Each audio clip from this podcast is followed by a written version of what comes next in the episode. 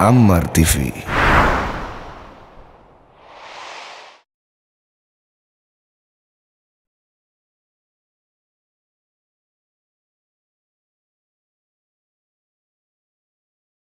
Assalamualaikum warahmatullahi wabarakatuh.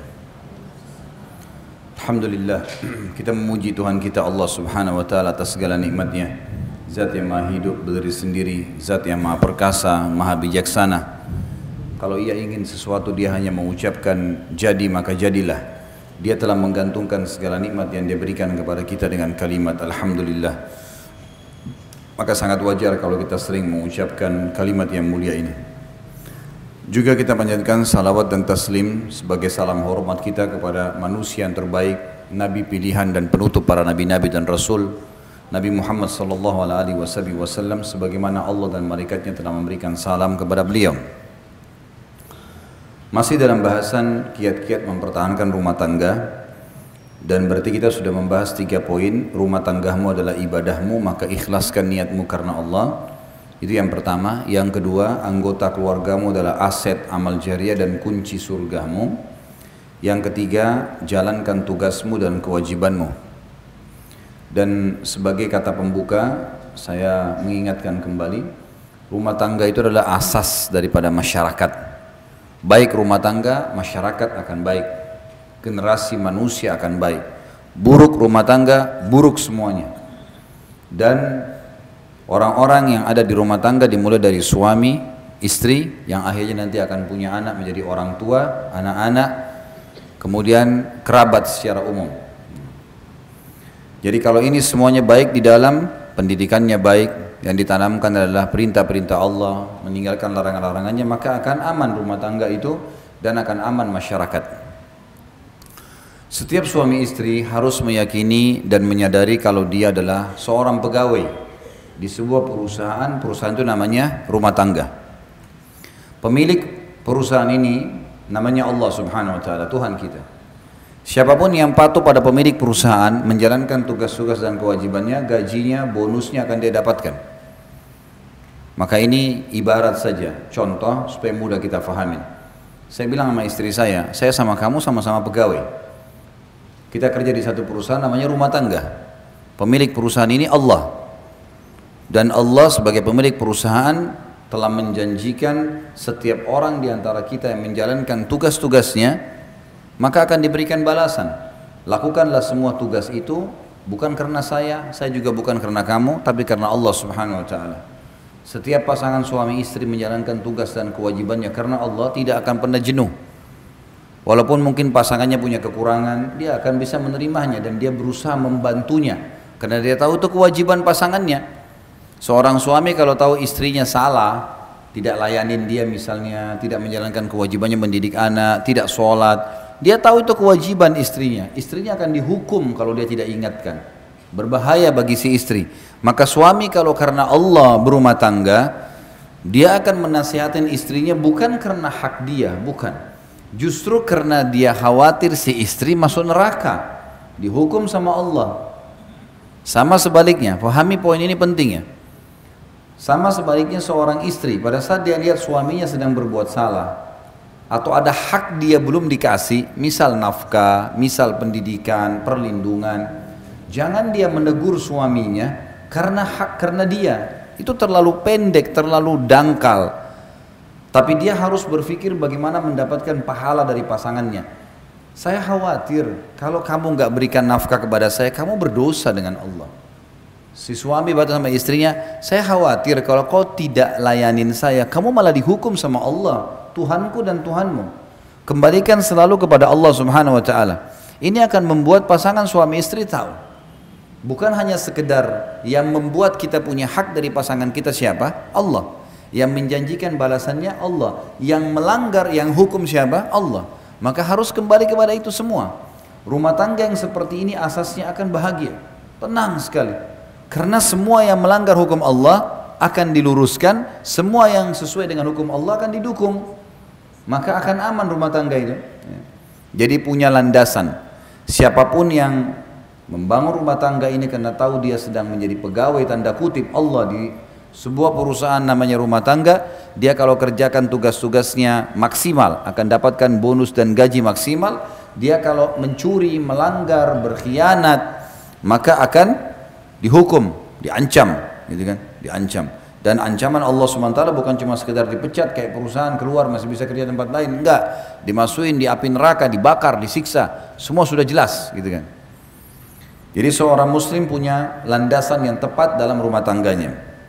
Baik, pilar yang keempat sekarang untuk mempertahankan rumah tangga setelah menjalankan tugas dan kewajiban, kenalilah karakter pasanganmu. Kenalilah karakter pasanganmu.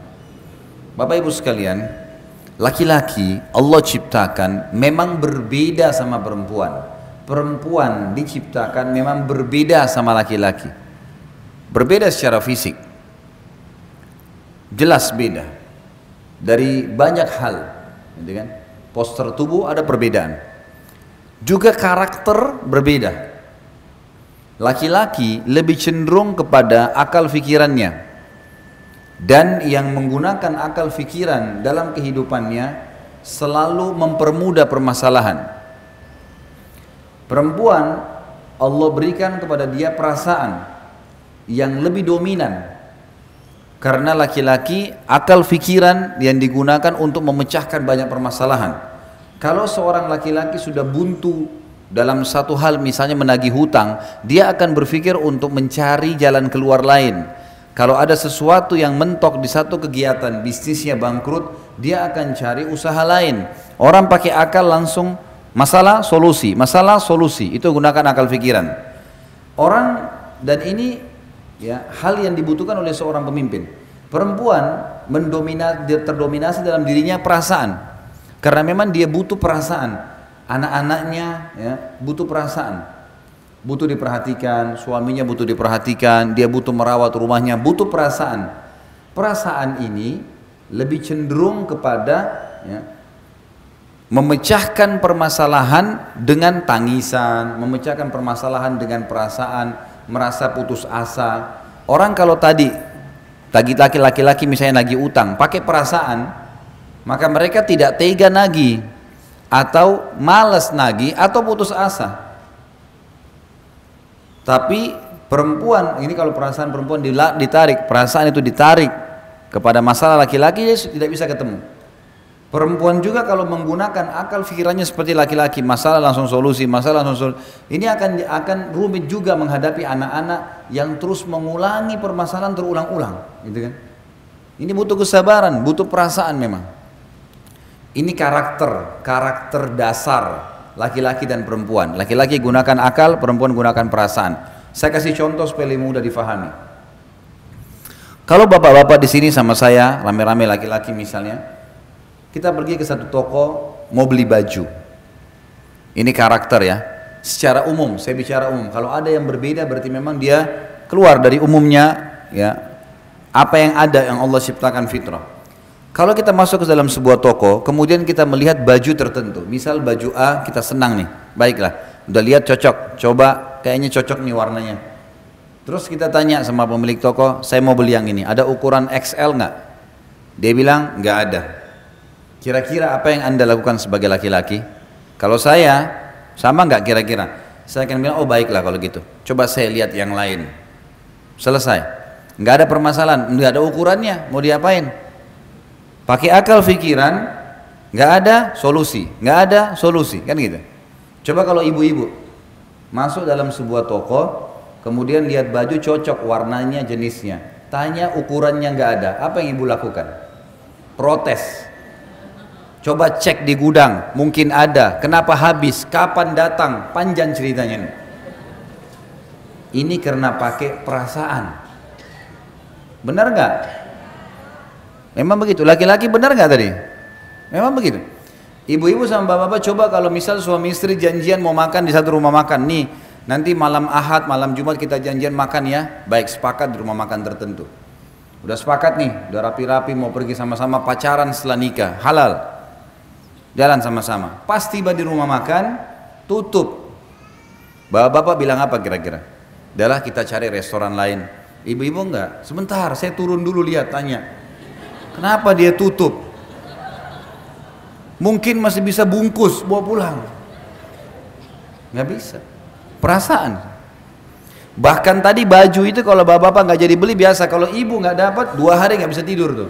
Ingat terus tuh baju. Kenapa? Siapa yang beli ya? Nasibnya baik benar tuh. Semua temannya tahu kalau baju itu dia mau beli. Ini karakter ya. Ini kita bicara tentang ada hal yang dasar dalam diri kita masing-masing yang harus dikenal oleh pasangan nih. Nggak boleh dilupakan ini karakter. Allah memang kasih begitu ya. Tapi kita dikontrol dengan wahyu. Ada wahyu yang mengontrol kita sehingga perasaan kita pikiran kita hanya tunduk kepada hukum Allah subhanahu wa ta'ala. Tapi ini karakter dasar. Kita harus paham nih gitu kan? Laki-laki karena menggunakan akal pikiran bila terjadi cekcok misalnya antara suami istri ibu-ibu tulis SMS ke suaminya begini begitu begini panjang lebar seribu karakter setelah ditulis, suaminya laki-laki umumnya kalau baca masalah, oh iya, ah masa dia tulis gini, oh sudah, sudah selesai, dihapus sama dia. Coba kalau suami ibu, bapak-bapak balas ke ibu-ibu nih, dibalas juga seribu karakter, ibu-ibu baca per huruf. Dilihat per huruf, noh ini nih satu masalah, ini dua masalah, disimpan sebulan tuh SMS, nggak bakal dihapus. Nanti kalau ribut nih, si, si istri bilang, kamu itu sampai SMS sama saya begini, suaminya udah lupa, SMS yang mana? Karena dia udah hapus nih laki-laki ini udah kasih ini solusinya, ini masalahnya, pakai akal pikiran, ringkas, ini masalah solusi, masalah solusi, selesai. Ibu-ibu enggak, memang disimpan. Ada pernah ya seorang istri simpan SMS suaminya dua tahun, dua tahun disimpan. Nih tanggal sekian bulan ini kau pernah ucapin, ini udah selesai nih udah saling minta maaf, udah baik, dikorek lagi yang dua.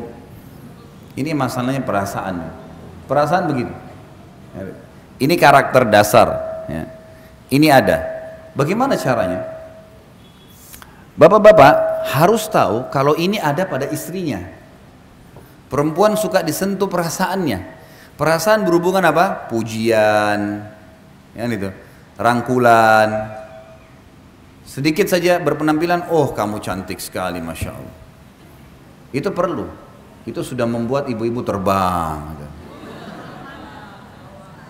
Loh, ini karakter. Saya bicara secara ibu-ibu suka nggak kalau dipuji sama suaminya? Masya Allah, kok cantik sekali hari ini. Kalau ibu-ibu puji laki-laki, bapak-bapak rapi nih, kamu ganteng. Oh iya, makasih. Biasa. Nggak ada sesuatu bagi dia pujian biasa saja. Laki-laki itu bagi dia pujian biasa. Allah buat begitu karakternya supaya dia tidak termakan pujian di luar itu memang ada benteng. Ibu-ibu memang sudah begitu. Itu itu karakter namanya. Ini harus difahami. Ini ada dalam jiwa.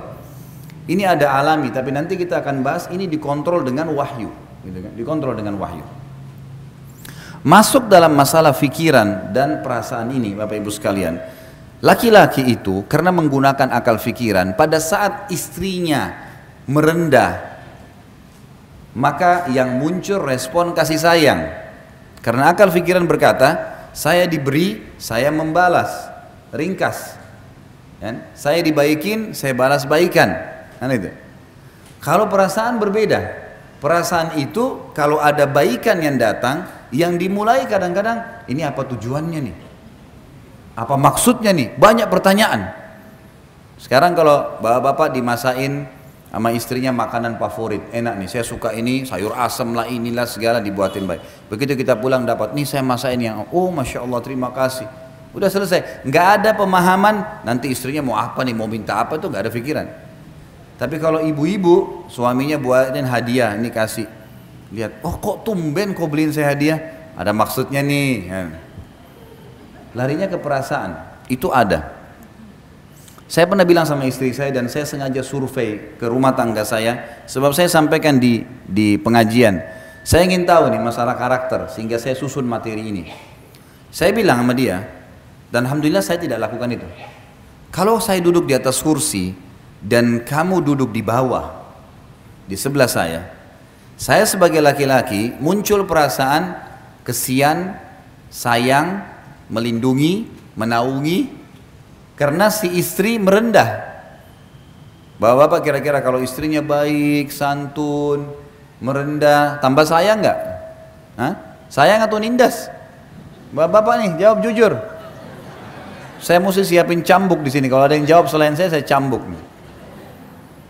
Karena memang itu karakter, pasti akan muncul naungan, sayang, perhatian, gitu kan? Karena ada jiwa kepemimpinan, ada sifat tadi karakter yang memiliki akal pikiran, dia memimpin. Makin benar jalannya, makin patuh, makin disayang. Saya bilang sama istri saya, coba kita balik, ibu-ibu di sini misal. Ini saya bicara global. Ya kan? Kalau kamu duduk di kursi saya bilang, lalu saya duduk di bawah, apa yang kau bilang sebagai perempuan? Saya sudah menguasai dia. Lain, perasaan tuh tunduk sama saya. Bukan bukan seperti laki-laki yang larinya kenaungan, perlindungan. Kan itu. Makanya secara umum karakter perempuan dia suka kalau suaminya itu orangnya menjaga wibawa misalnya. Orangnya punya wibawa, orangnya di rumah teratur, orangnya begini. Karena dia merasa itu pemimpin. Ya. Tidak boleh bapak-bapak di dalam karakter ini merendah berlebihan pada istrinya. Bukan beda sayang ya. Beda sayang dengan merendah lain. Kalau ada istri lagi duduk di atas kursi sofa, suaminya duduk di bawah, itu lain. Akan terjadi ketimpangan yang luar biasa di rumah tangga. Tidak akan ada lagi penghargaan buat si suami. Dalam mendidik anak sama ya. Bapak Ibu ambil ke laki-laki dan perempuan, anak laki-laki sudah punya sifat karakter pemimpin masih kecil. Saya pernah kasih contoh, kalau saya tidak salah, anak laki-laki kalau kita ambilin nasi, kemudian ditaruh di depannya, dilempar sedikit, nih makan nak, sengaja. Yang terjadi anak laki-laki itu tidak mau makan, dia akan ambil nasi dibongkar-bongkar sama dia. Rasa tercoreng. Pemimpin pemimpinnya ada. Kalau anak perempuan kita kasih, ini nak makan sedikit dilempar, dia makan saja, biasa. Tidak ada sesuatu yang yang dijadikan beban, gitu kan? Dia tidak langsung menganggap oh ini orang seperti apa enggak. Ini salah satu yang masuk dalam karakter. Sifat kepemimpinan ada pada diri laki-laki dan lebih Jadi ibu-ibu harus bisa tahu, suami selalu pakai akal pikiran dan ada sifat kepemimpinan, dia makin dijunjung, makin diposisikan pada posisi pemimpin, dihargai pendapatnya dan dan dan, dia akan makin responnya menaungi. Bapak, ibu bapak harus tahu, ibu-ibu itu harus dinaungin, dilindungi, disayang, gitu kan, diperhatikan. Maka itu akan mendatangkan respon yang sama. Jadi harus ber, harus berimbang, harus berimbang. Ibu-ibu harus tahu, bapak-bapak tidak suka sering ditelepon. Benar nggak ibu-ibu sini? Suaminya suka ditelepon nggak? Coba kalau telepon satu hari lima kali, dimarahin sama dia. Kenapa kau telepon terus? Karena laki-laki maunya dia kalau di luar rumah kerja. Bapak-bapak harus juga imbangi, perempuan punya perasaan, suka kalau diperhatikan, suka ditelepon. Imbangin nih. Berarti laki-laki ada waktu lowong telepon istrinya. Perempuan tidak boleh terus-terus rong-rong suaminya. Bahkan kadang-kadang subhanallah suaminya lagi online memang lagi telepon sama orang urusan kerjaan. Ditelepon sama dia. Ini menunggu nih. Telepon sampai 10 kali, kerang kering, kerang kering, kerang kering, selesai telepon itu tutup. Begitu baru angkat, bukan assalamualaikum, kok saya telepon 10 kali nggak diangkat? Orang lagi kerja. Kan itu. Baik kalau suaminya sabar tuh. Iya, tadi saya dijelasin sama dia, saya telepon, saya begini, saya begini. Karena yang enggak, saya kan lagi kerja. Assalamualaikum. Nah, kan jadi masalah. Dan ini sekali lagi, setelah cekcok begini misalnya, nanti pulang ke rumah nih. Suami pulang ke rumah, dia sudah lupa tuh tadi masalah telepon tuh. Laki-laki tuh kalau masuk rumah, dia udah lupa tadi tuh. Dia masuk, dia pikir nih istrinya akan sambut makan, tiba-tiba makanan nggak ada. Istrinya cemberut, nggak mau lagi pakai baju tidur yang dia suka. Loh, kenapa kamu ini? Tadi kamu SMS atau tadi kamu telepon begini. Dibawa tuh, tujuh jam di rumah suami, tujuh jam dia menderita di rumah. Jadi harus diimbangin. Ini mengenal karakter pasangan penting. Yang kita ingin datangkan di sini adalah karakter ini ada. Seperti sebagaimana ada potensi berbuat baik, potensi berbuat buruk. Ya. Maka kita harus imbangin dikontrol dengan wahyu. Laki-laki bisa mengenal pasangannya seperti itu perasaannya, maka dia berusaha mengimbanginya. Perempuan mengetahui kalau laki-lakinya begitu karakternya, dia bisa mengikutinya. Kan itu. Ini poin-poin tadi yang saya ingin titik beratkan dan mengenal karakter adalah hal yang paling mendasar, salah satu hal yang mendasar pilar dalam mempertahankan rumah tangga. Kemudian yang kelima, pilar yang kelima, hati-hatilah dari musuh yang selalu mengintaimu. Hati-hatilah dari musuh yang selalu mengintaimu, syaitan. Jangan mudah minta cerai bagi perempuan dan jangan mudah menceraikan bagi laki-laki. Apa sebabnya nih? Hadis Bukhari. Nabi SAW bersabda, Iblis memiliki singgasana di lautan. Setiap hari, setiap hari anak cucunya melapor, saya baru buat orang mabuk, saya baru buat orang ya dusta, saya baru buat orang riba, saya baru buat orang zina. Ama iblis dianggap biasa semua. Ya sudah, ya sudah, ya sudah. Pas ya, ada anak cucunya mengatakan saya baru menceraikan suami istri sama iblis diangkat didudukan di singgasananya. Berhenti tugas. Udah yang penting sudah rusak satu rumah tangga cerai itu sudah prestasi yang paling tinggi dikejar oleh iblis. Kenapa? Rusaknya rumah tangga ributnya suami istri bapak ibu sekalian akan mengacaukan seluruh masyarakat karena kalau ribut dua orang saja suami istri sudah cukup seluruh keluarganya juga ikut ribut gitu kan. Lingkungan teman-temannya semua juga ikut ribut, pro kontra. Gitu kan? Kalaupun terjadi cerai, anak-anaknya jadi kacau semuanya. Secara kejiwaan masih muda, masih anak-anak, semua terpukul secara kejiwaan. Mau ketemu ayahnya, ibunya nggak kasih. Mau ketemu ibunya, ayahnya nggak kasih, dan seterusnya. Jadi memang cerai itu target utama iblis. Makanya hati-hati. Kata para ulama, kalau di luar rumah ada lima syaitan atau sepuluh syaitan mendampingi seorang yang beriman mencari untuk menggodahnya maka dalam rumah tangga ada seribu syaitan. Kadang-kadang masalah kecil. Mungkin suami bisa tersinggung hanya karena lupa dibuatin teh atau kopi atau dicuciin bajunya oleh istrinya. Atau mungkin ada yang dia minta dikerjakan di rumah istrinya lupa. Syaitan buat dia lupa. Sudah cukup untuk marah sama istrinya seorang istri sudah cukup untuk marah bahkan bisa minta cerai hanya karena ingin diantar ke satu tempat suaminya belum sempat. Yang betul ada kesibukan. Akhirnya tersinggung. Kalau ibumu kau dahulukan, kalau saya tidak, panjang ceritanya. Kalimat cerai lagi. Hati-hati. Kata Nabi SAW, jangan main-main di tiga hal. Pernikahan, perceraian, dan rujuk. Kembali setelah cerai. Ini nggak boleh main-main. Nggak boleh orang dalam Islam, bapak ibu punya teman, kemudian Bapak ibu punya anak laki-laki, temannya punya anak perempuan. Lalu kita bilang, bapak ibu ini bilang sama temannya, nanti anak kita kalau besar kita jodohin ya. Nah, ini dalam Islam berlaku kalau si teman mengatakan, oke okay, baik, sepakat. Anak-anak ini nggak boleh dinikahin pada saat dewasa kecuali sudah disampaikan. Dulu ayah sama ibu pernah jodohin kamu sama anak itu mau nggak? Oh saya nggak mau ayah, nggak mau ibu ya sudah. Kalau enggak ini terikat, ada hukum di sini. Karena dua-duanya sudah sepakat dan kata ulama masuk dalam hadis Nabi SAW al mu'minuna ala syurutihim. Orang-orang mukmin terikat dengan syarat yang telah disepakati. Nggak boleh nih nikah nggak boleh main-main. Makanya kalau ada yang bercanda pun eh nanti kita jodohin anak kita ya. Itu tergantung kalau Allah takdirin. Nah, nggak bisa saya katakan kalau iya ini anak-anak terikat nih. Nggak boleh. Cerai nggak boleh nih ucapin sembarangan apalagi bapak-bapak hati-hati. Pengucapan kalimat cerai dan kata ulama hikmah kenapa cerai di tangan laki-laki bukan tangan perempuan karena mereka pakai akal fikiran. Kalau mau menceraikan masih berpikir nih ini ke depannya bagaimana ini nanti bagaimana anak bagaimana panjang nih ceritanya. Kalau perempuan tidak pokoknya ceraikan saya saya tidak mau tahu. Besok apa terjadi ini urusan nanti. Padahal kalau sudah diceraikan pergi ke rumah orang tuanya nyesel juga nanti. Jadi masalah juga nanti. Banyak orang begitu Berapa banyak akhwat muslimat yang tanya kepada saya, Ustaz, saya nyesal Ustaz, saya sudah sering tekan suami saya minta cerai, sekarang akhirnya saya diceraikan, saya mau kembali sudah susah. Suami saya sudah sering ucapin sampai tiga kali. Ya hukum syar'i. Kenapa ibu main-main? Gak boleh main-main. Bapak-bapak juga gak boleh main-main nih. Darurat sekali baru diucapin kalimat itu. Betul-betul pot pat patokannya adalah pelanggaran agama.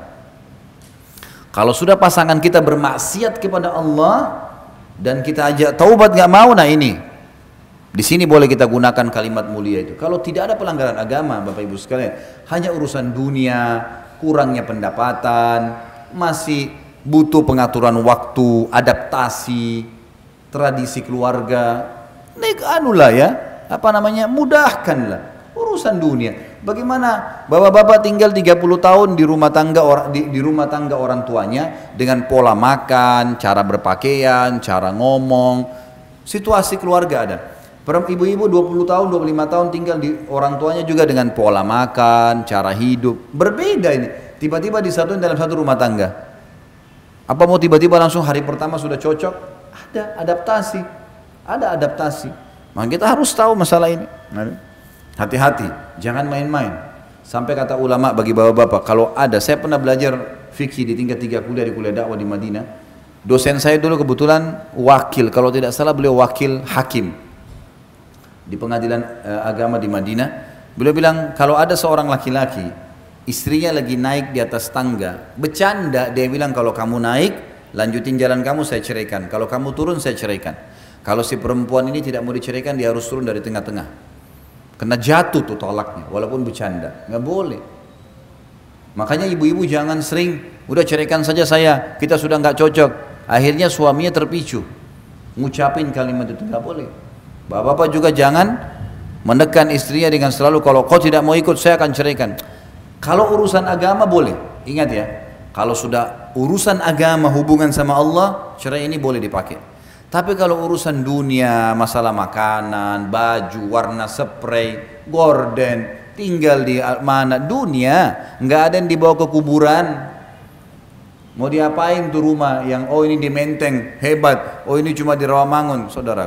Kita kalau naik pesawat dan di Menteng pun jadi kecil tuh, nggak kelihatan lagi. Apa yang mau diperebutkan? Kadang-kadang juga ini hal-hal mendasar yang harus kita fahamin ya. Hati-hati syaitan selalu mengintai. Maka syaitan kata ulama lebih senang suami istri bercerai daripada terjadi pembunuhan di luar rumah. Daripada orang riba. Padahal ini dosa-dosa berat semua nih. Tapi kalau cerai ini luar biasa. Luar biasa, si suami akan sakit kepalanya. Kalau cerai istrinya akan sakit kepalanya. Hidup mereka jadi tidak tenang. Anak-anak jadi korban. Nggak ada orang cerai itu tiba-tiba bahagia. ada. Omong kosong tuh kalau dia bilang saya bahagia, bohong, nggak bisa. Allah sudah satuin awalnya dalam kalimat akad. Kalau ada masalah-masalah yang dihadapin, selama bukan pelanggaran agama, toleransi maafin. Nanti kita jelasin di pilar selanjutnya. Baik, pilar yang keenam. Hati-hati tadi dengan syaitan, jangan iakan. Semua bisikan buruk, tinggalkan. Pilar yang keenam adalah lapang dada. Memaafkan dan meminta maaf.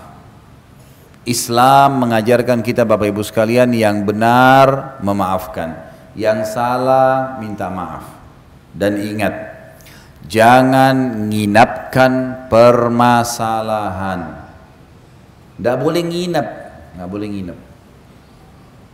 Begitu ada masalah, duduk baik-baik. Maaf ya, kayaknya saya kok saya terganggu dengan ini nih satu, dua, tiga, empat, lima. Menurut kamu bagaimana? Istri sampaikan ke suaminya. Suaminya lagi ada masalah. Istri, suami juga begitu. Duduk. Sebentar istriku. Ini terus terang saya terganggu secara kejiwaan. Ada masalah satu, dua, tiga, empat, lima. Menurut kamu bagaimana jalan keluarnya? Diskusikan baik-baik. Bicarakan. Clearkan pada saat itu.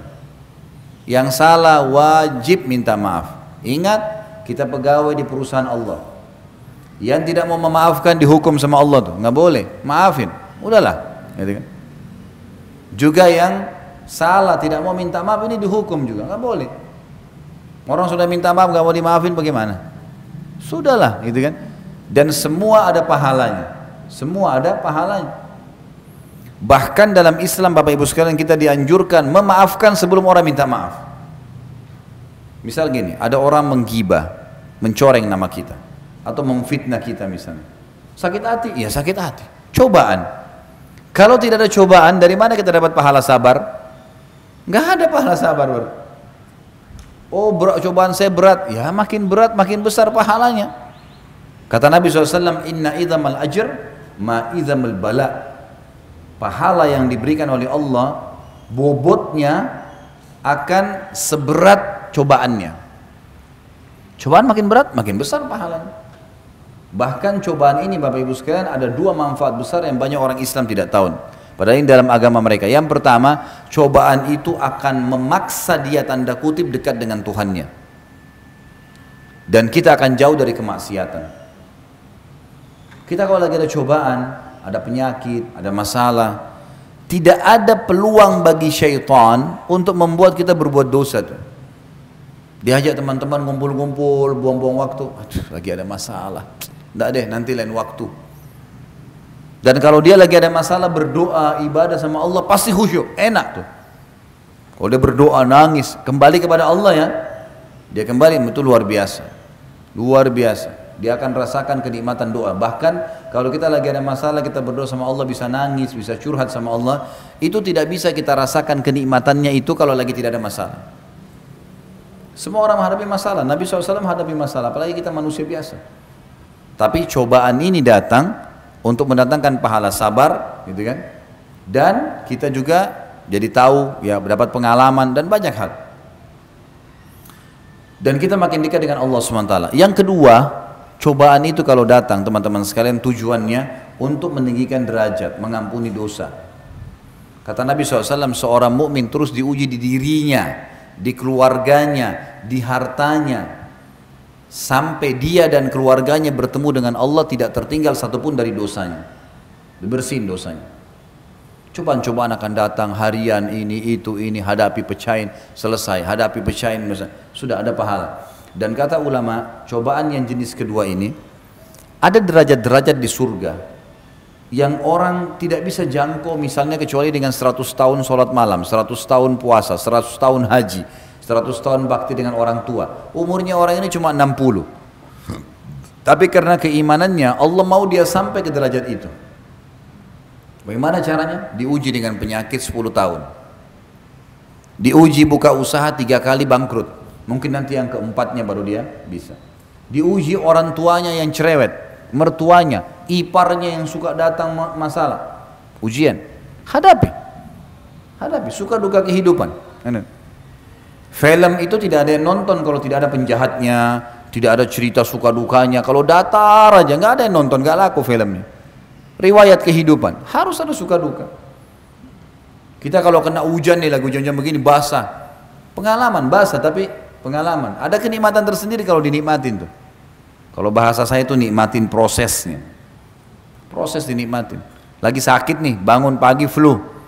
Oh iya, sabar. Sabar itu terima takdir Allah, kemudian ikhtiar, gitu kan? Kita bangun flu, alhamdulillah. Allah masih uji saya. Mudah-mudahan jadi pengampunan dosa, peninggian derajat. Lalu ikhtiar minum obat. Sabar, nikmatin prosesnya. Karena kita biar ngerutu pun cobaannya ada ajalnya, pasti sampai selesai. Ada saatnya dia akan selesai. Jadi kita harus lapang dada menerima, termasuk sini menerima kekurangan pasangan. Tapi ingat, yang punya kekurangan tidak boleh tinggal dalam kekurangannya, berubah. Orang mukmin harus meningkat menjadi lebih baik dari sebelumnya. Nggak boleh vakum. Saya gini orangnya, kau terima silakan, tidak terima nggak usah. Nggak boleh dong. Itu bodoh namanya. Masa kalau dia kurang kemudian dia tidak mau berubah, fair, terima. Oh iya baik, saya akan berubah. Bantu saya ya, ayo sama-sama. Suami istri harus begitu. Enggak kalau kamu nggak mau terima ya sudahlah. Kadang-kadang suami tegur istrinya, cobalah kalau habis, bangun sholat subuh, habis sholat subuh buat sarapan, aktivitas, jangan langsung tidur. Misal, baik tangkap positif, istrinya harus berpikir, oh iya ya, mungkin ada baiknya lah. Mungkin suami saya kena pergi kerja pagi. Kadang-kadang ada istri tidur, suaminya pergi kerja, dia nggak tahu suaminya pergi sarapan cuma pembantu yang siapin, karena hanya mendahulukan tidur pagi. Untuk apa ini? Lalu suaminya bahasakan baik-baik. Terimalah gitu kan. Baik latihan. Kalau gitu bantu saya ya. Gimana caranya? Mungkin kalau malam kita lebih cepat tidur ya. Baik kalau mungkin saya masih ngantuk maklumi ya beberapa hari nanti saya berubah. Kan baik ya. Menjadi lebih baik. Bahkan kata Ali radhiyallahu anhu, saya akan menjadi hamba sahaya, saya siap mengabdi dengan seseorang yang mengajarkan kepada saya satu huruf, satu huruf. Artinya saking pentingnya belajar untuk meningkatkan skill kita. Bodoh orang kalau selalu seperti yang lalu-lalu atau bahkan lebih buruk. Kita harus setiap hari meningkat, meningkat, meningkat. Kualitasnya harus selalu naik dan kualitasnya harus dipaksa. Nah itu harus bisa menerima masukan. Begitu pula misalnya istri lihat suaminya mungkin selama berumah tangga sama orang tuanya biasa main buang handuk sembarangan, berantakan sepatunya nggak teratur. Mungkin istri ini biasa rapi. Suaminya begitu. Jangan langsung marah, berikan masukan. Ini sebenarnya mana yang lebih baik sih kalau berantakan begini dengan rapi? Kan lebih baik kalau rapi. Ya udah saya begini orangnya terserah kamu kalau kau nggak mau. Apa fungsinya kau sebagai istri? Nggak boleh nih. Nggak boleh. Oh iya ya tangkap secara akal sehat. Oh iya benar. Baiklah. Ingatin ya. Kalau saya memang salah. Kan enak ya. Kan enak kalau begitu. Nggak boleh mudah tersinggung nih. Ya. Ini tersinggung ini bahaya, senjata syaitan. Nggak boleh. Saya waktu pertama menikah, saya temukan istri saya mungkin kebiasaan untuk merapikan sesuatu masih kurang. Cara saya mendidik dia adalah saya duduk kemudian saya ambil kertas. Saya bilang sebentar, kamu duduk dulu. Saya ambil kertas, beberapa lembar kertas, saya serakin di lantai. Jadi Cara bapak-bapak ini harus begitu, mendidik. Tidak boleh marah-marah.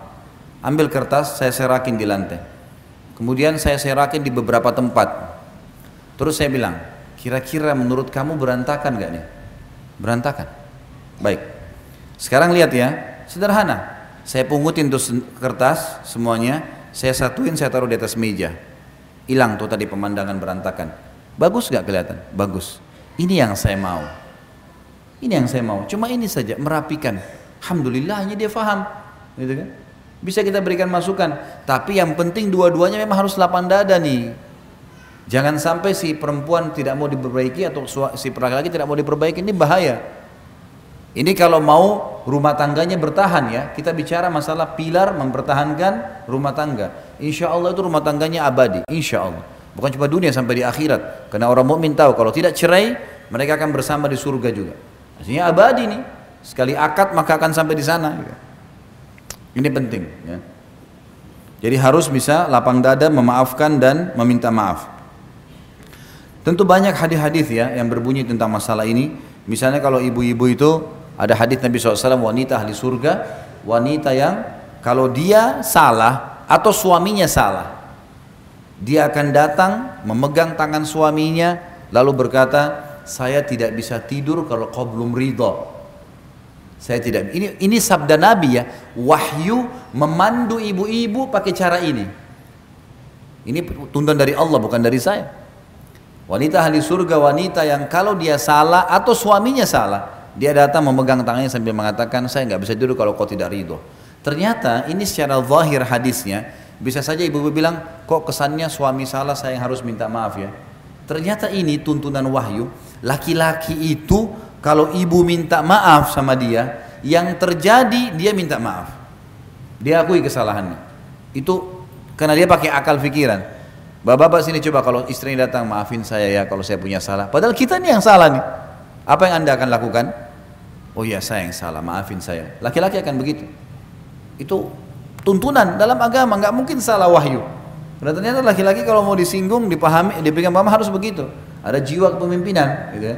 Biasanya mereka tidak mau diguruin, ya, karena ada sifat itu. Laki-laki juga begitu. Bagaimana Nabi Shallallahu Alaihi Wasallam menghadapi para istri-istrinya? Ada, masalah, sudah minta maaf, sudah selesai. Sudah dimaafin sama Nabi SAW. Gak ada lagi diungkit-ungkit. Banyak kesalahan dilakukan oleh Aisyah, oleh Hafsah. Salah, minta maaf, Nabi maafin. Udah, selesai. Saya udah maafin. Dan Allah mengatakan wal afina anin nas wal qadimin al ghaidha wal afina anin nas wallahu yuhibbul muhsinin.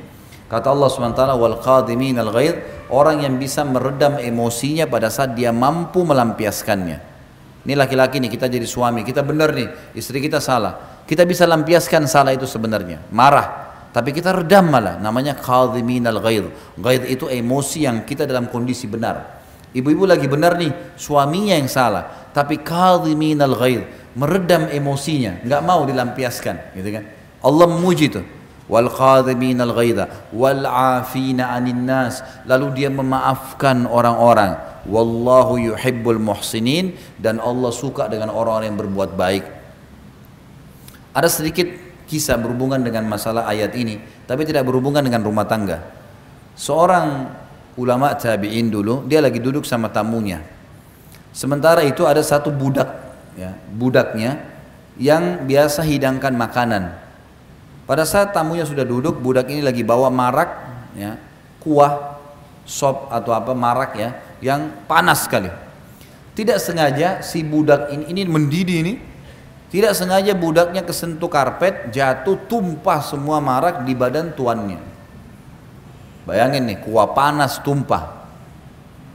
Kalau agama yang menjadi landasan kita, Bapak Ibu sekalian, emosi terkontrol, ya, semua pemasukan, pengeluaran, tatapan mata, ucapan yang diucapin, tangannya, semuanya itu terkontrol.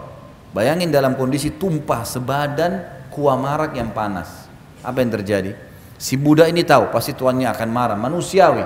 Lalu dia mengatakan, "Wahai Tuan, Allah berfirman, wal al dan orang yang bisa meredam emosinya pada jadi ghaidh itu emosi yang meluap-luap dan dalam kondisi benar loh ya anak kita salah nih, kita bisa mukul dia, tapi kita redam. Pada saat itu justru kita bisa marah dengan pegawai atau pembantu kita, tapi kita redam, gitu kan?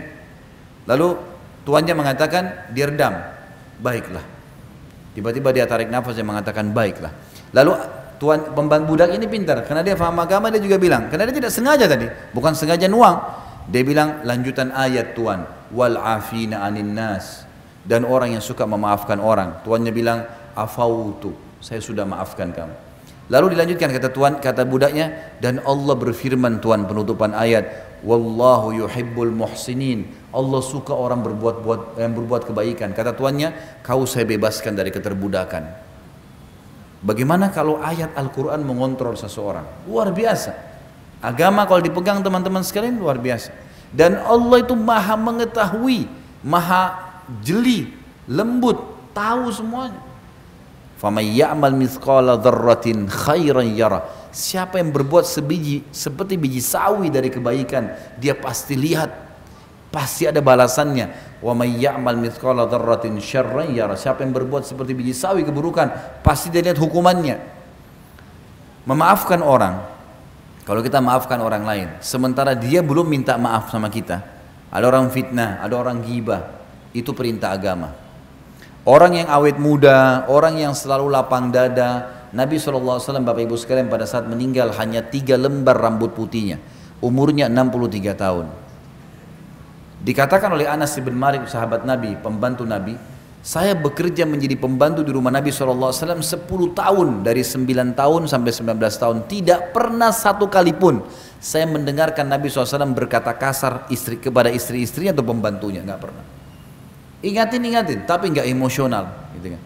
Sehingga Allah SWT berikan dia kelebihan yang luar biasa. Istrinya pun akhirnya jadi malu dengan Nabi SAW. Karena orangnya tidak pernah marah. Kecuali hukum Allah SWT dilanggar. Karena Aisyah berkata radhiyallahu anha dalam riwayat lain, riwayat Bukhari, Rasulullah SAW tidak pernah marah kalau berhubungan dengan haknya. Hak pribadinya, duniawi, dimaafin sama dia. Kecuali hukum Allah dilanggar. Kalau sudah hukum Allah lain. Maka Nabi SAW berubah wajahnya menjadi merah karena dilanggar hukum Allah Subhanahu Wa Taala. Ini tidak boleh. Nabi SAW mengingatkan dengan sangat tegas kalau masalah ini. Tapi tetap juga Nabi menggunakan ketegasan bukan kekerasan. Beda ya. Tegas itu ini boleh, ini nggak boleh. Jangan lakukan, ini lakukan. Keras itu mata melotot, kata-kata kasar, memukul itu keras. Itu nggak ada dalam Islam. Tapi tegas boleh.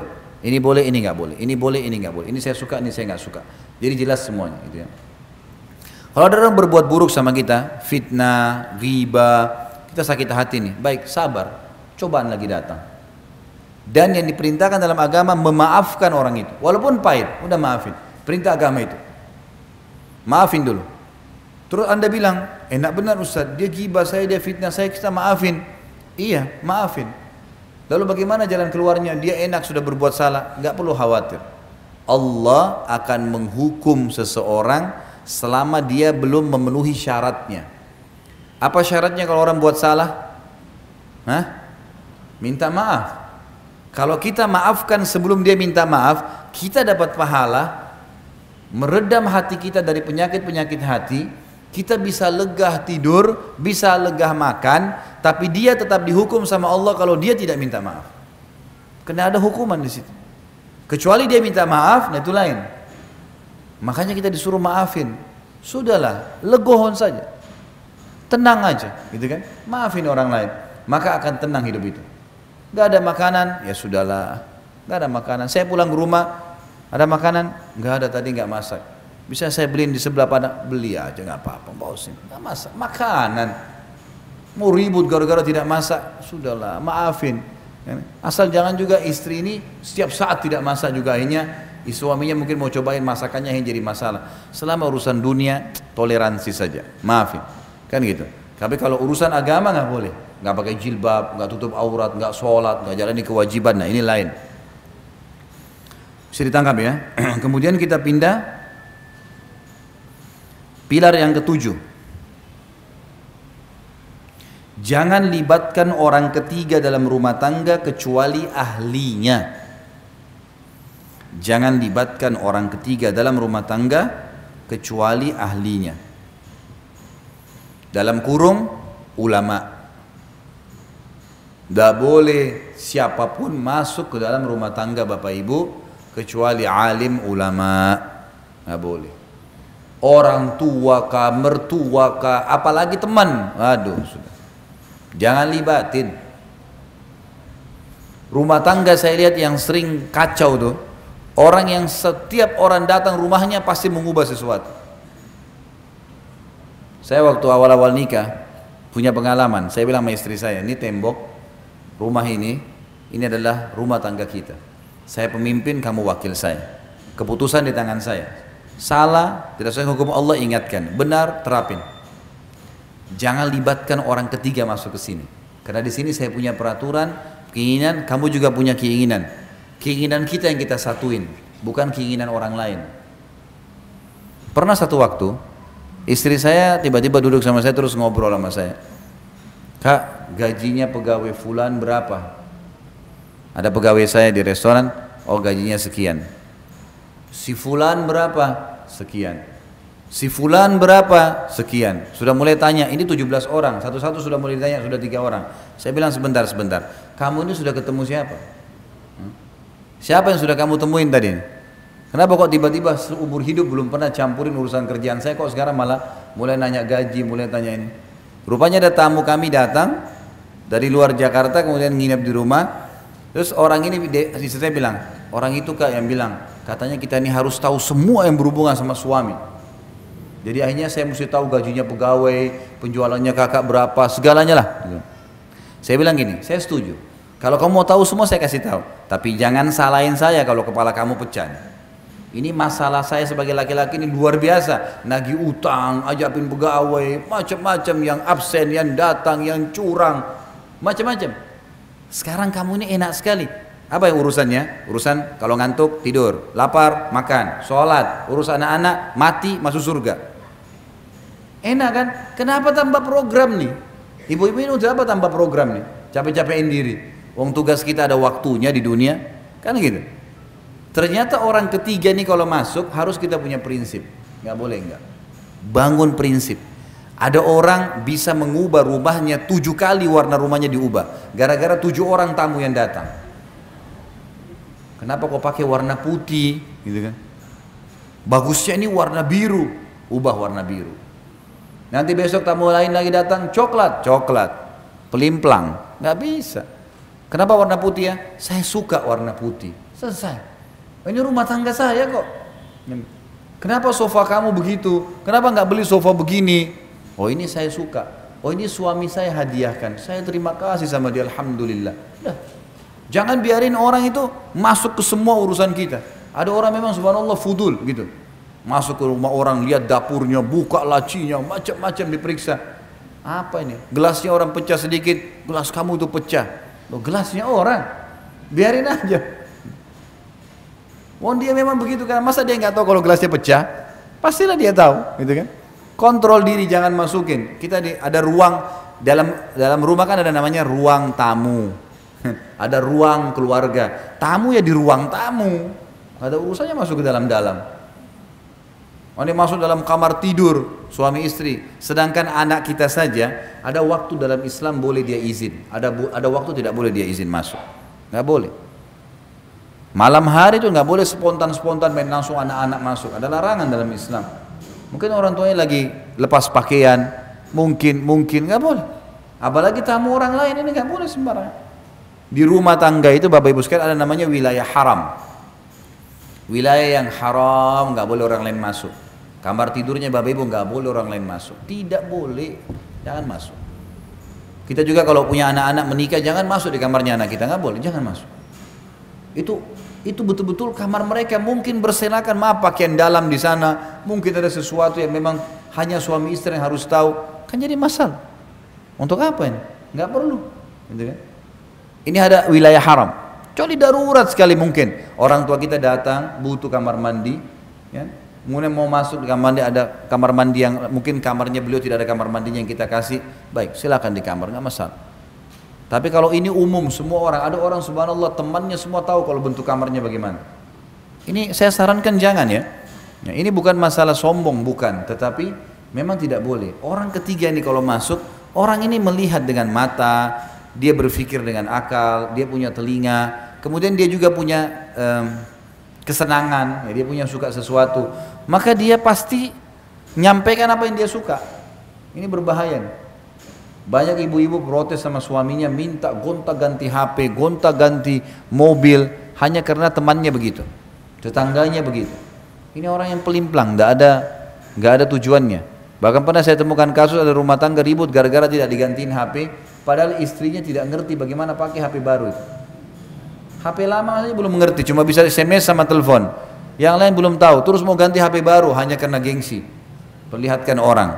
Kenapa ini? Untuk apa gengsi? Gitu. Kita harus punya prinsip. Ini harus ditanamkan. Rumah tangga kita punya cara sendiri. Gitu kan? Ini penting untuk diketahui agar jangan sampai sembarangan. Nah orang-orang yang bisa kita ceritakan tentang permasalahan kita hanya ahlinya. Alim ulama karena mereka akan memandu kita kepada jalan keluar agama. Banyak orang punya masalah rumah tangga, orang tuanya dilibatkan. Orang tuanya sendiri punya masalah rumah tangga. Ada banyak orang yang dilibatkan ibunya, ibunya cerai sama suaminya. Gitu kan? Akhirnya dituntun anaknya cerai aja sama suamimu. Ikuti langkahnya dia. Banyak begitu. Ya. Bapak-bapak diminta panduan, dia tidak suka sama istrinya. Bilang sama anaknya, ceraikan aja. Ayah juga dulu ceraikan istri. Udahlah, nggak apa-apa. Kan jadi salah semua. Tapi kalau alim ulama beda. Allah berfirman, Rasulullah bersabda, kan diingatkan harusnya begini, sabar, pertahankan, ini solusinya, rukyah, ini, itu, macam-macam. Jadi harus yang terlibat orang ketiga. Ya, orang yang ketiga adalah para alim ulama dan ini yang terjadi di kehidupan sahabat. Mereka kalau ada masalah mereka langsung ya menuju kepada Nabi Wasallam dan Nabi yang pecahin, Nabi Wasallam yang pecahin dalam masalah rumah tangga mereka.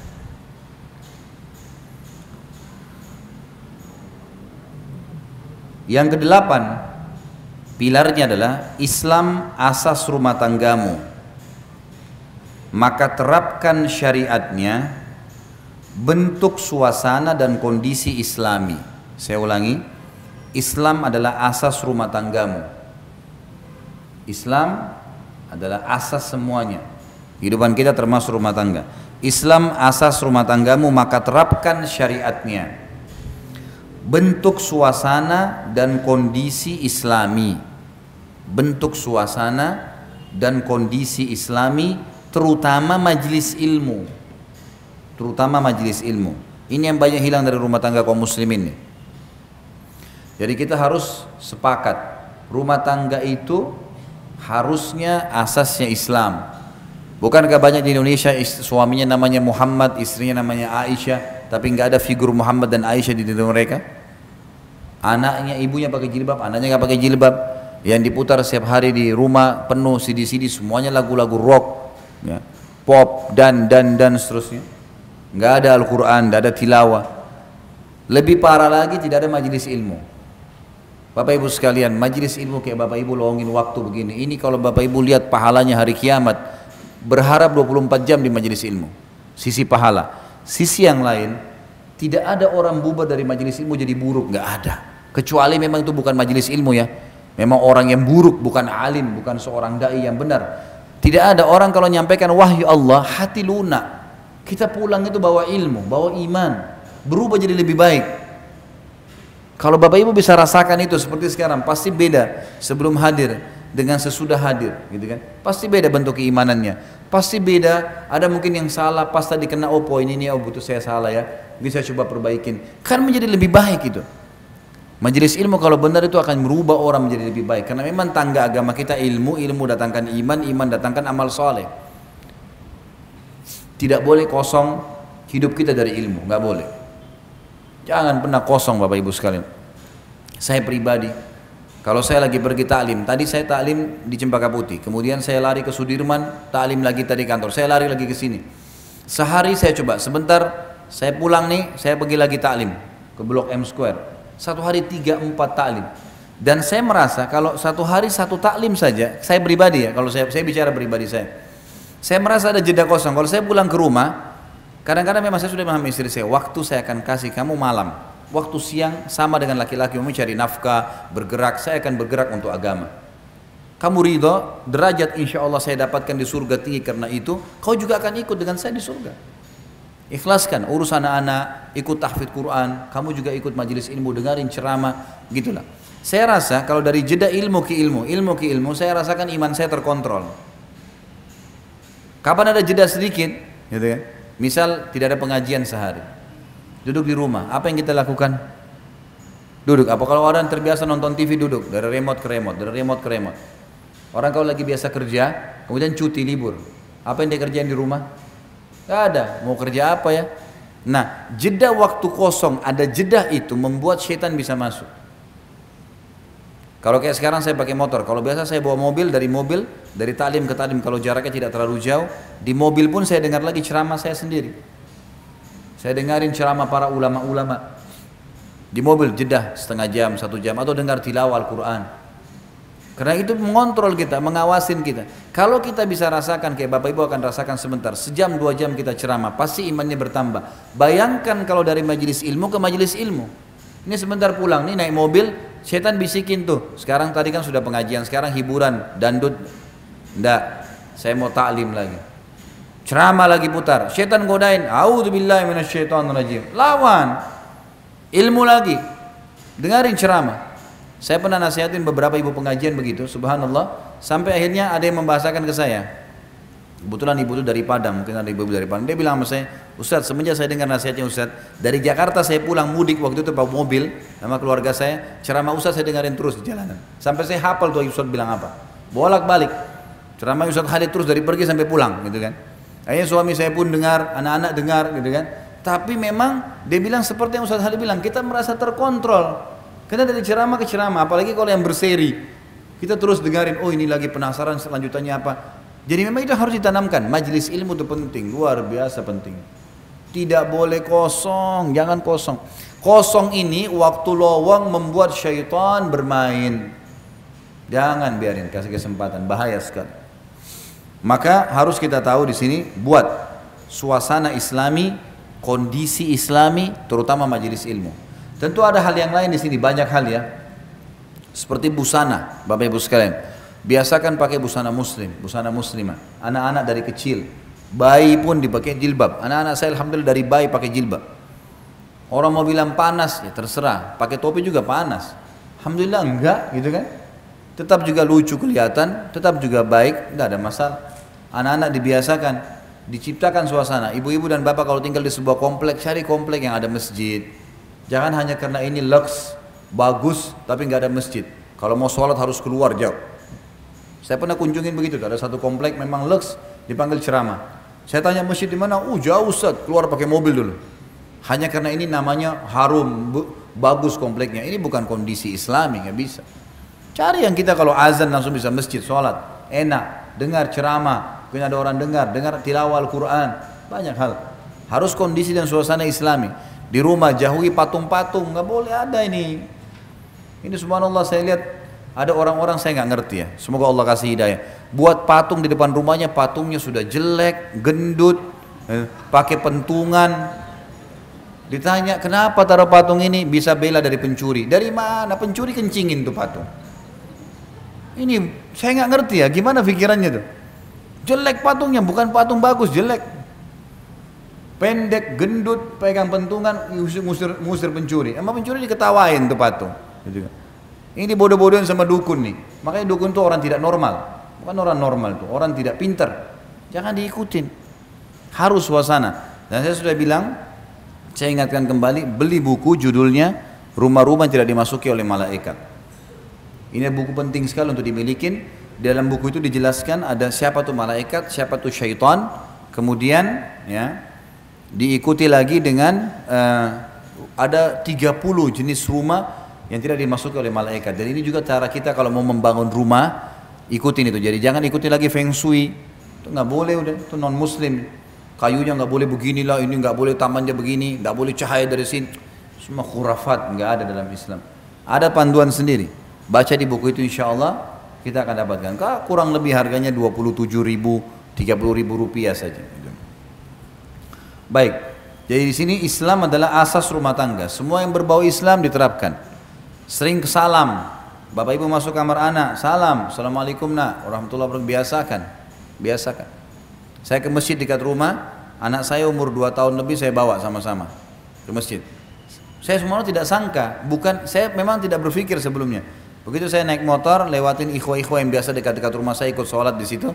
Karena kadang-kadang kalau saya jadi imam, saya kultum.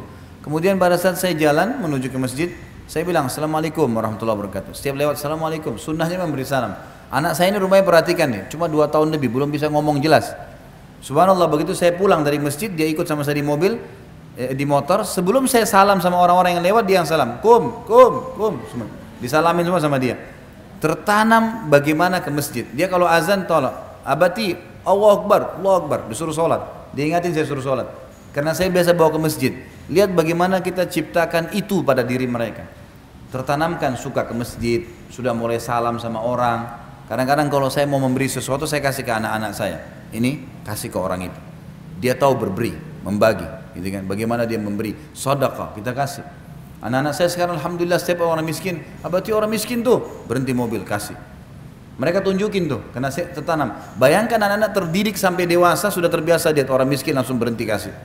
Tanamkan itu, Islam yang ditanamkan dalam pikiran mereka. Bukan malah kalau makan, udah makan nak, usah kasih orang. Kamu kenyang duluan dulu. Mana cara didikannya? Islam asasnya harusnya begitu. Baik, selanjutnya yang ke sembilan. Jam berapa azan? Hah? Ini mau dilanjutin atau pertanyaan? Hah? Lanjutin, baik. Yang kesembilan, nasihat menasihati. Nasihat menasihati. Ini perintah agama. Kata Nabi SAW, ad-dinun nasihat. Agama ini adalah nasihat. Jadi kita saling mengingatkan, saling menasihati. Ibu-ibu harus bisa menerima kalau dinasihati sama suaminya, Bapak-bapak juga harus bisa menerima kalau diberikan nasihat oleh istrinya, gitu kan? Landasan hukumnya adalah hadis riwayat Bukhari. Nabi SAW pernah waktu di Sulhu Hudaybiyah. Tahu Hudaybiyah ya? Hudaybiyah itu sekitar 80 km dari Mekah. Bapak Ibu kalau lagi umroh, coba negosiasi sama travelnya minta saya mau kami bisa nggak mampir ke Hudaybiyah. Hudaybiyah itu biasanya banyak peternakan unta. Dan orang kalau mau beli susu unta biasa di situ. Hudaybiyah. Jadi biasa kalau mau ke Madinah dari Mekah kalau Mekah dulu baru ke Madinah itu biasanya bisa lewat Hudaybiyah. Gitu kan? Yang jelas di Hudaybiyah ini pernah ada kejadian di zaman Nabi SAW beliau keluar sama 1400 orang sahabat mau umroh. Tapi oleh orang Quraisy ditahan di Hudaybiyah. Nggak boleh. Nggak boleh keluar. Nggak boleh masuk Mekah. Sahabat-sahabat waktu itu geram mereka kebetulan pakai ihram tapi bawa pedang. Lalu mereka mengatakannya Rasulullah kita lawan saja nih. Nabi SAW mengatakan tidak boleh. Tidak ada perintah Allah. Kalau Allah perintahin jihad kita lawan. Kalau enggak enggak boleh. Malah turun wahyu Allah menyuruh kita pulang ke Madinah. Udah mengalah. Tapi dijanjikan kita akan menguasai Mekah nanti. Nabi SAW waktu menerima wahyu harus pulang ke Madinah dan sepakat buat sulhu Hudaybiyah, kesepakatan Hudaybiyah kesannya poin-poinnya kayak kayak kayak menyudutkan umat Islam. Tapi itu sebenarnya ada maslahat-maslahat yang Allah lebih tahu karena Allah bilang terima dan pulanglah ke Madinah, gitu kan? Nabi SAW sempat bilang, ayo kita pulang ke Madinah, perintah Allah. Sahabat-sahabat waktu itu masih pada duduk sambil pegang pedang berharap ada perintah lain, perang aja, 1400 serang Mekah sekalian. Nabi SAW masuk ke dalam kemah yang ikut pada saat itu adalah Ummu Salamah istri Nabi SAW yang lebih tua daripada beliau. Duduk lalu berkata, Ya Rasulullah, ada apa? Kata Nabi SAW, dan ini juga ibu-ibu boleh kalau suaminya lagi bingung, lagi kelihatan sedih, datang nanya, ada apa? Kata Nabi SAW, Allah perintahkan mereka untuk pulang ke Madinah. Dan sebelum pulang, orang kalau pergi umroh dan tertahan, misal kita lagi berangkat umroh atau haji, di tengah jalan harus pulang, misal terjadi peperangan, nggak bisa gitu kan? Dan sudah melewati tempat niat mikot, maka harus gun, harus cukur tahallul. Baru bisa ganti baju biasa gitu kan? Nah di sini Nabi SAW suruh tahallul cukur rambut kalian dan kita pulang ke Madinah. Sahabat-sahabat masih duduk bukan mau membangkang dengan Nabi SAW tapi mereka masih berharap ada wahyu yang turun menyuruh perang gitu kan? Maka Nabi SAW masuk dan berkata kepada Ummu Salamah saya khawatir azabnya Allah turun nih karena sudah ada perintah Allah kita belum kerjakan sahabat-sahabatku masih berharap perang Allah larang, Allah suruh pulang ke Madinah. Lalu kata Ummu Salamah, ini nasihatnya. Ya Rasulullah, tidakkah anda memulai mencukur rambut anda duluan? Anda keluar, cukur rambut duluan depan mereka. Kata Nabi SAW, pendapat yang baik. Nabi keluar, panggil tukang cukur, langsung gundul. Waktu sahabat lihat Nabi gundul, semua saling cepat gundul rambut mereka. Takut pada saat itu karena Nabi sudah kerjakan. Maka dicukur sampai kepala mereka ada yang berdarah. Tapi kita ambil pelajaran apa? Nasihat Ummu Salamah kepada Nabi Sallallahu Alaihi Wasallam. Tapi ingat adab. Adabnya kata ulama adalah seorang istri memberikan nasihat kalau melihat dalam keadaan sedih atau bingung suaminya atau diminta sarannya. Karena laki-laki tidak suka kalau tiba-tiba diguruin. Misal dia mau pakai baju tertentu, saya siapin baju saya warna biru. Oh, menurut saya pakai merah aja. Dia maunya biru, sudah siapin biru. Kecuali dia minta saran, menurut kau saya pakai biru atau merah ya, baru kita berikan saran. Kalau enggak enggak, karena memang karakternya begitu. Harusnya kita mengikuti alur karakter, gitu kan? Sama halnya juga istri, nasihatin. Nabi SAW sering kali menasihatin Aisyah, menasihatin ya istri-istri yang lain supaya mereka bisa menerima dan ini penting sekali. Nasihat menasihatin adalah perintah agama. Ingat, menasihatin di sini poinnya adalah pada hal-hal yang berbau agama. Ah, semua penasihat agama tertuju pada agama bukan duniawi. Dalam arti kata panduannya adalah agama. Yang ke sepuluh sabarlah dunia sebentar dan akhirat target hidupmu. Sabar. Sabar. Baru melahirkan tentu ibu-ibu dan bapak tahu anak bayi kadang-kadang nangis malam kadang-kadang ini mesti dibersihin kotorannya ada sabar di situ gitu kan karena kan ada saatnya seorang istri jenuh di rumah. Suaminya sabar, jenuh. Berhari-hari dengan aktivitas yang sama. Masak, cuci, bersihin rumah. Masak, cuci, bersihin rumah. Ada waktu dia butuh bersama-sama. Saya kadang-kadang kalau pulang ke rumah, saya capek nih dari pagi saya keluar sampai malam. Yang paling pertama saya lakukan, bapak-bapak mungkin bisa ambil pelajaran seperti ini. Saya kalau pulang ke rumah, maka pada saat saya taruh tas laptop atau saya masuk ke dalam rumah setelah salam, istri saya sambut saya, saya panggil dulu dia duduk. Duduk, saya juga sambil rileks saya tanya, gimana kabar kamu hari ini? Apa yang kamu lakukan? Maka dia cerita pengalaman dia yang 8 jam saya tinggalkan setengah jam. Begini, begini, begini, begini, begini, begini, macam-macam. Anak-anak inilah itulah. Ada yang perlu saya tanggapi, saya tanggapin. Yang tidak, oh iya, baiklah, sabar, gini. Udah setengah jam.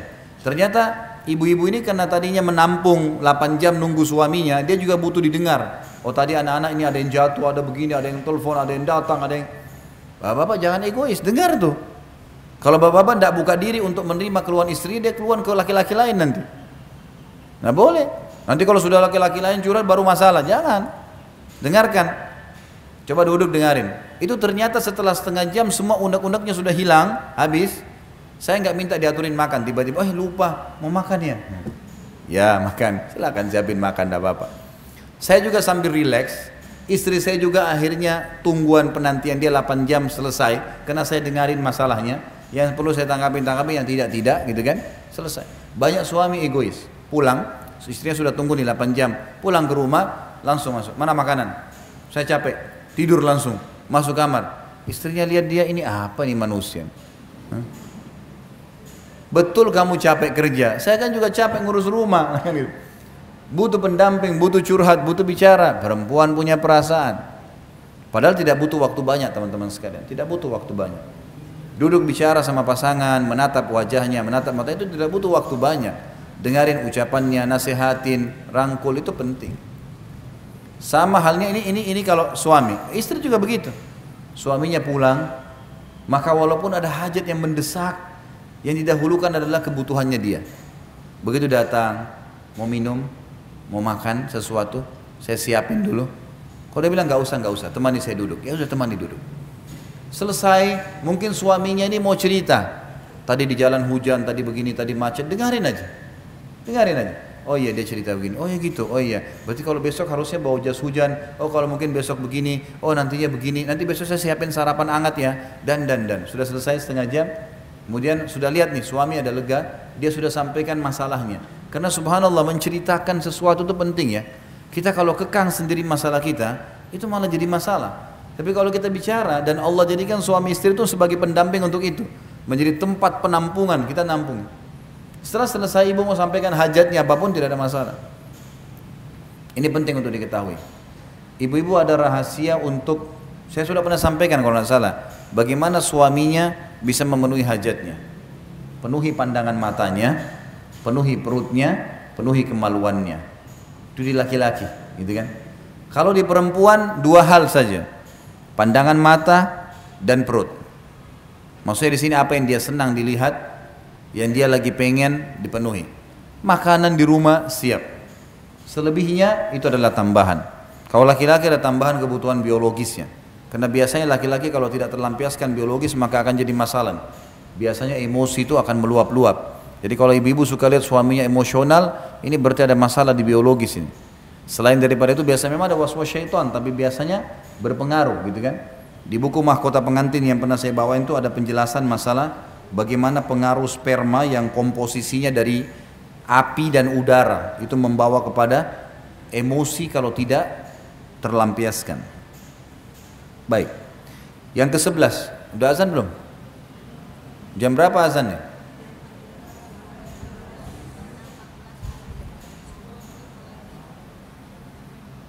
Berapa menit lagi? 10 menit lagi ya. Baik. Yang keberapa sekarang?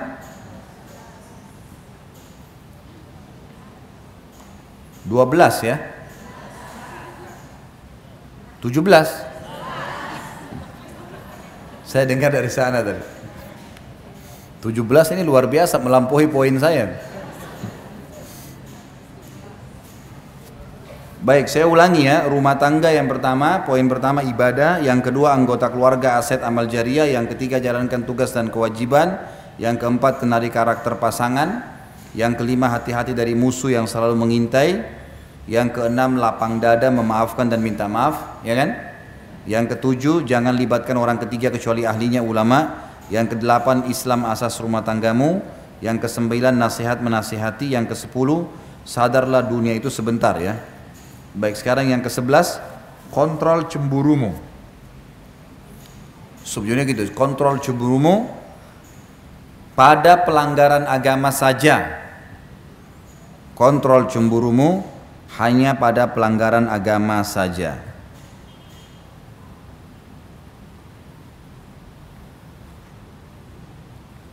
Cemburu adalah sebuah nilai positif dalam Islam tapi dia sebuah potensi yang bisa benar bisa salah. Laki-laki yang tidak cemburu pada istrinya disebutkan dalam agama dengan dayuth. Dayuth itu adalah laki-laki yang membiarkan suaminya pada pelanggaran agama karena dia suka. Misal dia kena cinta sekali sama istrinya, dia nggak tega sudahlah istrinya nggak apa-apa nggak pakai jilbab, istrinya nggak apa-apa nggak sholat, istrinya nggak apa-apa durhaka sama orang tuanya dia sama mertua. Itu semua tidak boleh. Dayuth namanya, nggak boleh. Dalam Islam haram gitu kan. Dia tidak boleh, ya, dia harus punya kecemburuan. Seorang istri juga punya kecemburuan terhadap suaminya. Tapi kecemburuan ini harus pada pelanggaran agama saja. Tidak benar dalam Islam kalau ada suami atau istri cemburu dengan anaknya. Misal, ada banyak terjadi begitu.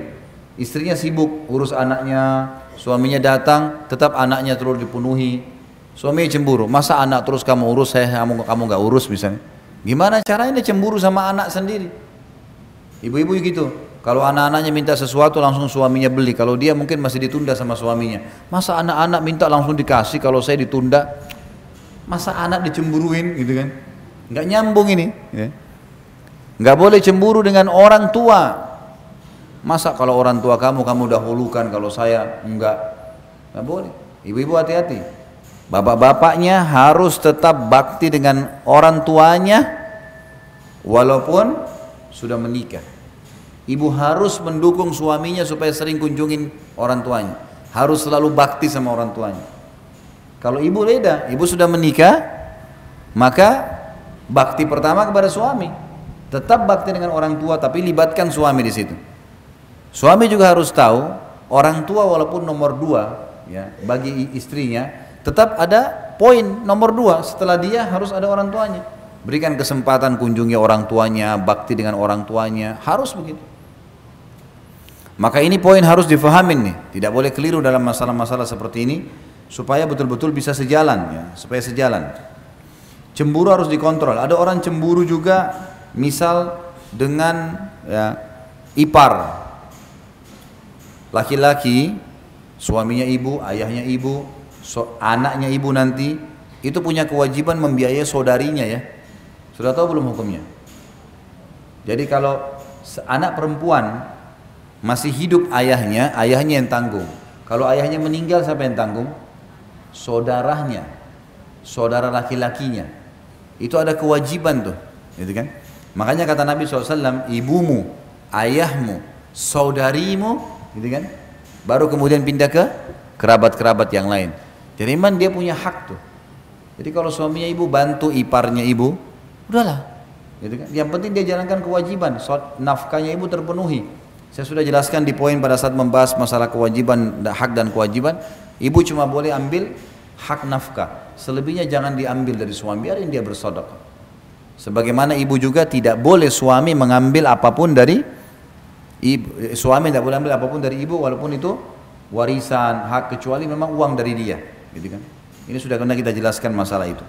Jadi ini cemburu harus dikontrol nih, tidak boleh kecuali dalam pelanggaran agama saja. Ada banyak orang sering menyalahkan Aisyah radhiyallahu anha. Ini saya terus terang sangat tidak setuju.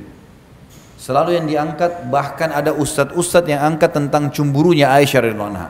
Aisyah pencemburu, Aisyah begini, Aisyah begitu. Kesannya Aisyah ini buruk sekali. Dan selalu yang diangkat cemburunya sampai ada di antara mereka yang bilang kalau istri saya sejak cemburu saya mau ceraikan. Eh subhanallah ini gimana? Harus ada penjelasan. Kalau cemburu buta itu nggak boleh. Cemburu dalam pelanggaran agama ya betul. Pelanggaran agama suaminya selingkuh, suaminya dusta. Ini cemburu boleh. Karena ini pelanggaran agama. Suami juga begitu. Tapi kalau enggak nggak boleh. Nggak boleh cemburu buta.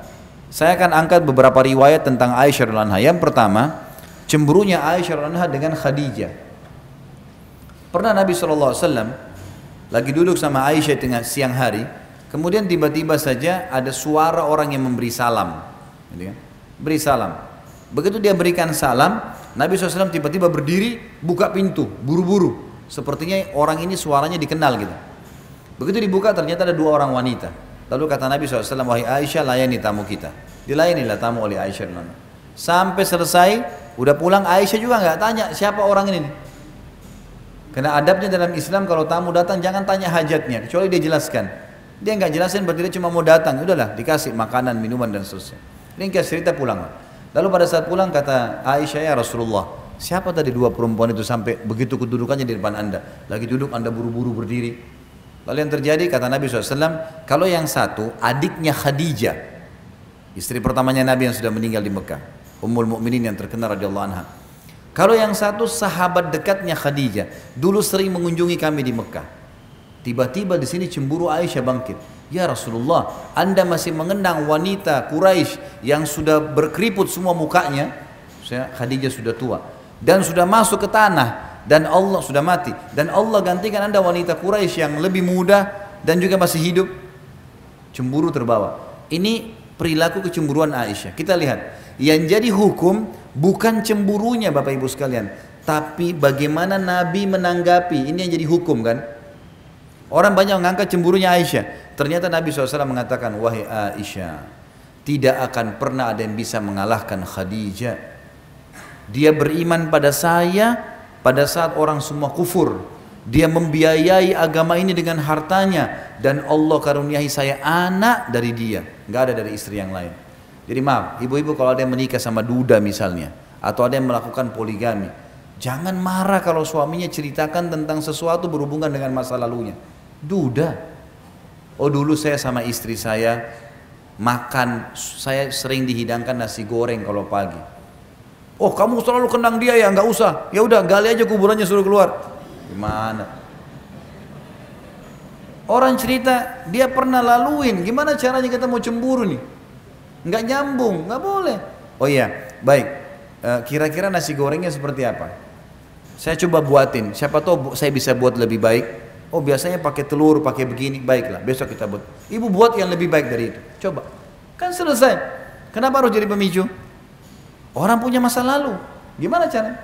Bapak-bapak nikah sama janda. Lalu dia cerita, mungkin bapak sibuk. Lalu suami dulu punya waktu. Dulu saya sama si Fulan, kadang-kadang malam masih diajak keluar, makan nasi goreng pinggir jalan. Saya pengen waktu berdua. Jangan langsung tersinggung bapak-bapak. Oh iya, maaf ya, mungkin saya mungkin saya kurang di situ. Saya akan lowongkan waktu, kan gitu. Rangkul itu, ambil sehingga akhirnya kita bisa menjalin rumah tangga yang benar. Udah azan. Kita tutup sampai sini insya Allah. Nanti kita lanjutkan lagi. Kalau Allah masih mudahkan ada kesempatan. Masih ada beberapa poin yang belum dibahas insya Allah. Semoga saja apa yang kita bahas hari ini bermanfaat. Dan juga Allah jadikan tambahan di timbangan amal kita hari kiamat. Dan juga Semoga seluruh yang belum dapat hidayah dimudahkan dapat hidayah, yang sudah dapat hidayah dimudahkan untuk mengamalkan. Semua yang pernah berbuat salah, berbuat dosa dimaafkan oleh Allah Subhanahu wa taala. Seluruh yang sudah mati dari muslimin diampuni dosa-dosanya dari orang tua kita, dari kerabat kita dan juga semoga seluruh muslimin di Palestina, di Syria, di Yaman, di Irak diberikan kemenangan oleh Allah Subhanahu wa taala dan juga Allah partisipasikan kita bersama mereka di pahala dan semoga Allah satukan kita di surga firdausnya tanpa hisab semana Allah satukan kita di majlis ilmu yang mulia ini. Kalau benar dari Allah, kalau dari saya mohon dimaafkan. Subhanakallahumma bihamdika asyhadu an la ilaha illa anta astaghfiruka Wassalamualaikum warahmatullahi wabarakatuh.